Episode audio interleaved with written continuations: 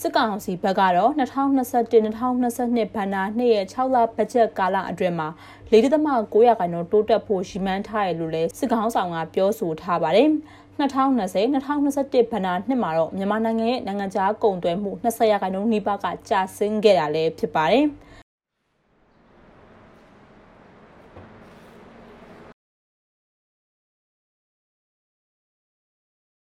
2021ခုနှစ်အောက်တိုဘာလကနေ2022ခုနှစ်မတ်လအတွင်းမှာစစ်ကောင်စီကပြည်ပပို့ကုန်တန်ဖိုးအမေရိကန်ဒေါ်လာ8.2ဘီလီယံသွင်းကုန်တန်ဖိုးအမေရိကန်ဒေါ်လာ8.8ဘီလီယံရှာထားပြီးကုန်သွယ်ရေးကဏ္ဍမှာ4.9ရာခိုင်နှုန်းတိုးတက်ဖို့အတွက်လည်းရှီမန်းထားတာပါ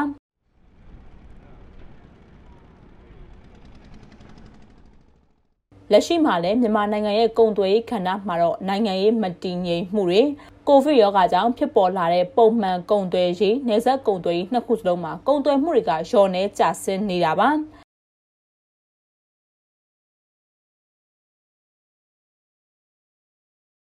စစ်ကောင်စီရဲ့စီးပွားကူတန်းဝင်ကြီးဌာနကထုတ်ပြန်ထားတဲ့ကုန်သွယ်မှုစီးရင်တွေမှာတော့ပြီးခဲ့တဲ့2020-2021ဘဏ္ဍာနှစ်ရဲ့စနစ်တာအတွင်းမှာပို့ကုန်ကနေအမေရိကန်ဒေါ်လာ14.6ဘီလီယံကျော် သွင်းကုန်ကနေအမေရိကန်ဒေါ်လာ14.6ဘီလီယံကျော်နဲ့ကုန်သွယ်မှုကစုစုပေါင်းအမေရိကန်ဒေါ်လာ29.6ဘီလီယံကျော်ပဲရရှိခဲ့လို့ထုတ်ပြန်ထားပါတယ်။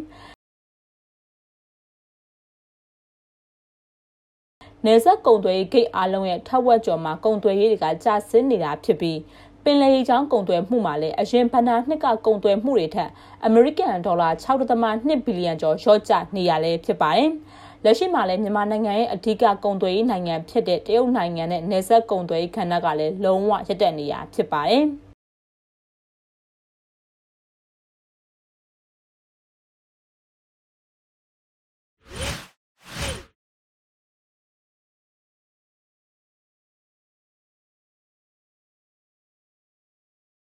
တက်မတော်သားတွေရဲ့စားတောက်နေထိုင်မှုကနေစပြီးလူနေမှုအဆင့်အတန်းကိုမြင့်တင်ဆောင်ရွက်ပေးနိုင်ရမှာဖြစ်ပြီးရတဲ့ရဟိုက်တဲ့ရပိုင်ခွင့်နဲ့တခြားလိုအပ်ချက်တွေကိုလည်းဖြည့်ဆည်းဆောင်ရွက်ပေးဖို့အတွက်အာဏာသိမ်းစစ်ကောင်ဆောင်ပူဇုံမှုကြီးမင်းအောင်လှိုင်ကပြောဆိုပါတယ်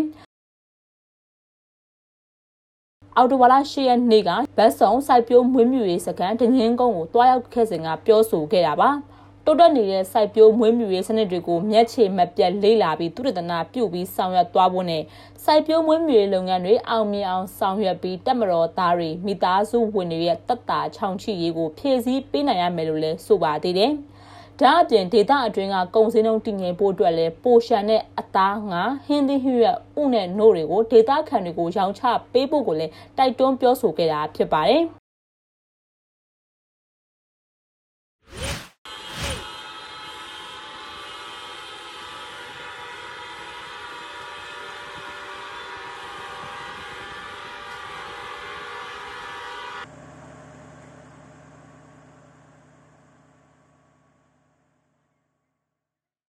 အော်တိုဝါလာကနေလာမဲ့မလအကုန်ထိသုံးမဲ့6လတာဘတ်ဂျက်ကိုစစ်ကောင်စီကရေးဆွဲထုတ်ပြန်လိုက်ပါတယ်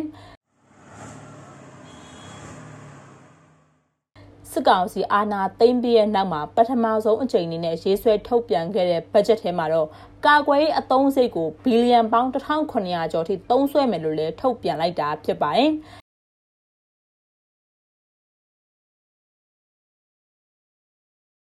ဒီအသုံးစိတ်ကတော့စီမံကိန်းနဲ့ဗန္ဓာရေးဝန်ကြီးဌာနပြီးရင်ဒုတိယအများဆုံးအသုံးစိတ်အနေနဲ့လည်းပါဝင်နေတာပါ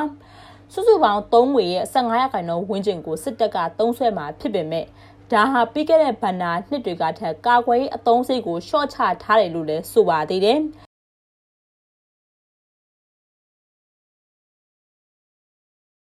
6လတာဘတ်ဂျက်ထဲမှာပညာရေးအသုံးစရိတ်ကိုဘီလီယံ1000ကျော်သုံးစွဲဖို့ခွင့်ပြုထားတာဖြစ်ပြီး ကျန်းမာရေးအသုံးစိတ်ထက်လည်းများနေတာဖြစ်ပါတယ်။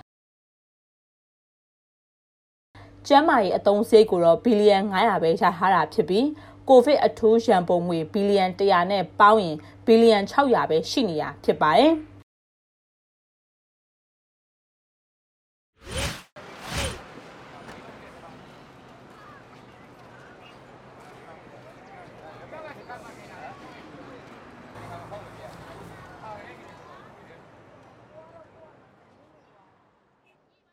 အကြက်အတဲနဲ့ရင်ဆိုင်နေရတဲ့မြန်မာနိုင်ငံအတွက်ကယ်ဆယ်ရေးအကူအညီနဲ့စေဝါအထောက်ပံ့တွေပေးဖို့အာဆီယံအဖွဲ့ဝင်နိုင်ငံတွေကနေအမေရိကန်ဒေါ်လာ10သန်းကောက်ခံရရှိထားတာဖြစ်ပြီးလာမယ့်နှစ်လအတွင်းမှာကယ်ဆယ်ရေးအထောက်ပံ့တွေကိုအတုပ်လိုက်ခွဲပို့ပေးမယ်လို့အာဆီယံအတွင်းမှုချုပ်ဒါတိုလင်ဂျော့ရိုင်ကအော်တိုဘာလ10ရက်နေ့ကပြောဆိုလိုက်ပါတယ်။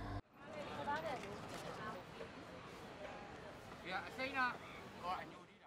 ရိကန်ဒေါ်လာ1.1တန်တန်ဖိုးရှိတဲ့ကယ်ဆယ်ရေးအထောက်ပံ့ပထမအတုပ်ကိုစက်တင်ဘာလ15ရက်နေ့ကမြန်မာနိုင်ငံကြက်ချီနီအဖွဲ့ထံကိုပေးအပ်ခဲ့ပြီးဖြစ်တယ်လို့ဆိုပါတယ်။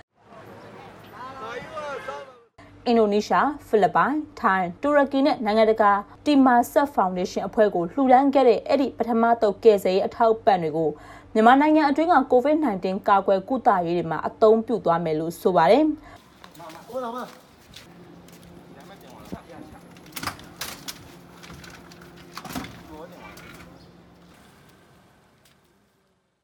ဒုတိယအတုပ်ကိုတော့အော်တိုဘလနှောင်းပိုင်းမှာပေးပို့ဖို့အတွက်ပြင်ဆင်မှုတွေစတင်လှုပ်ဆောင်နေရဖြစ်ပြီးတတိယအတုပ်ကိုတော့နိုဝင်ဘာလမှာပို့ပေးမယ်လို့သိရပါတယ်။မြန်မာနိုင်ငံအတွက်ကယ်ဆယ်ရေးအကူအညီအနေနဲ့အမေရိကန်ဒေါ်လာ၈တန်းစုပေါင်းထည့်ဝင်ကြဖို့အတွက်အာဆီယံအဖွဲ့ဝင်နိုင်ငံတွေကြားမှာဩဂုတ်လ18ရက်နေ့ကဆွေးနွေးခဲ့တာဖြစ်ပြီးဆွေးနွေးပွဲအပြီးမှာတော့စုစုပေါင်းအလှူငွေအမေရိကန်ဒေါ်လာ10တန်းကောက်ခံရရှိခဲ့ပါတယ်။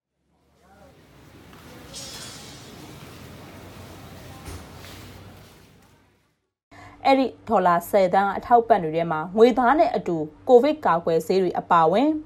ဆေးဝါးဆေးပစ္စည်းတွေနဲ့အထောက်ပံ့တွေလည်းပါဝင်တယ်လို့သိရပါတယ်။မြန်မာနိုင်ငံဟာကိုဗစ်တတိယလှိုင်းနဲ့ရှင်ဆိုင်ခဲ့ရပြီးစေဝါအထောက်အကူတွေအတွက်ကောကာကွယ်ဆေးအတွက်ပါဒီကယ်ဆယ်ရေးအကူအညီထောက်ပံ့ကတိတ်ကိုအရေးပါတယ်လို့လည်းပြောဆိုထားတာဖြစ်ပြီး နိုင်ငံရေးနဲ့ဆက်နွယ်နေသူတွေဟုတ်ဟုတ်မဟုတ်ဟုတ်မြန်မာနိုင်ငံအတွင်းကဘယ်သူမဆိုလူသားချင်းစာနာရဲ့ကယ်ဆယ်ရေးအထောက်အပံ့တွေရတဲ့တယ်လို့လည်းမစ္စတာဒါတိုဂျော့ဖိုင်ကဆိုပါတယ်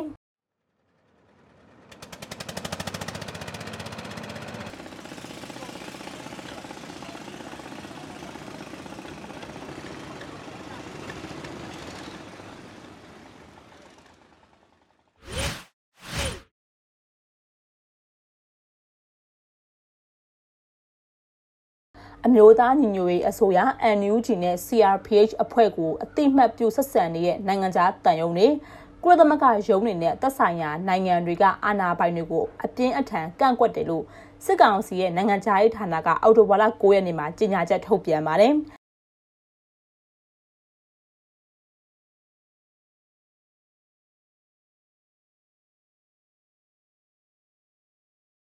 ပြည်သူတွေရဲ့အာဏာအနှင်းမှုရတရဝင်ဖွဲ့စည်းထားတဲ့အမျိုးသားညီညွတ်ရေးအစိုးရ NUG နဲ့ CRPH တို့ကိုအတိမတ်ပြုထောက်ခံတယ်လို့ဥရောပပါလီမန်ပြင်သစ်လွှတ်တော်ဂျပန်လွှတ်တော်တွေကဆုံးဖြတ်ကြေညာပြီးတဲ့နောက်ပိုင်းမှာစစ်ကောင်စီဘက်ကအခုလိုထုတ်ပြန်ချက်ကထွက်ရှိလာတာပါ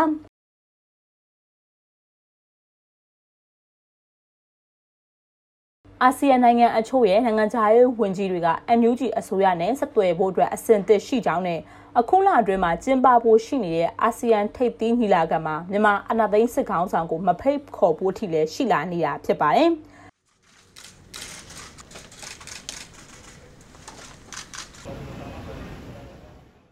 အကြမ်းဖက်စစ်ကောင်စီရဲ့နိုင်ငံခြားရေးဌာနရဲ့ထုတ်ပြန်ချက်ထဲမှာတော့ပြည်ပနိုင်ငံတွေရဲ့အစိုးရတာဝန်ရှိသူတွေ လွှတ်တော်အမတ်တွေအနေနဲ့ NUG, CRPH နဲ့ထိတွေ့ဆက်သွယ်ရာ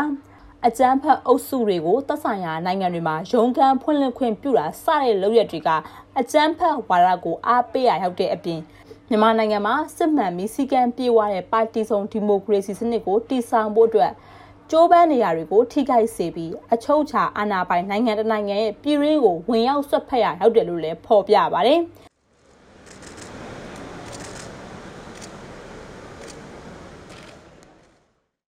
စစ်ကောင်စီတပ်တွေကတော့မြန်မာနိုင်ငံတဝမ်းအထူးသဖြင့်ကချင်ချင်းကယားပြည်နယ်နဲ့စကိုင်းတိုင်းနဲ့မကွေးတိုင်းတွေမှာရွာတွေကိုမီးရှို့တာပြည်သူတွေကိုဖမ်းဆီးတပ်ဖြတ်တာနဲ့အကြမ်းဖက်မှုတွေကိုကျူးလွန်နေစေလဲဖြစ်ပါတယ်။ First time I've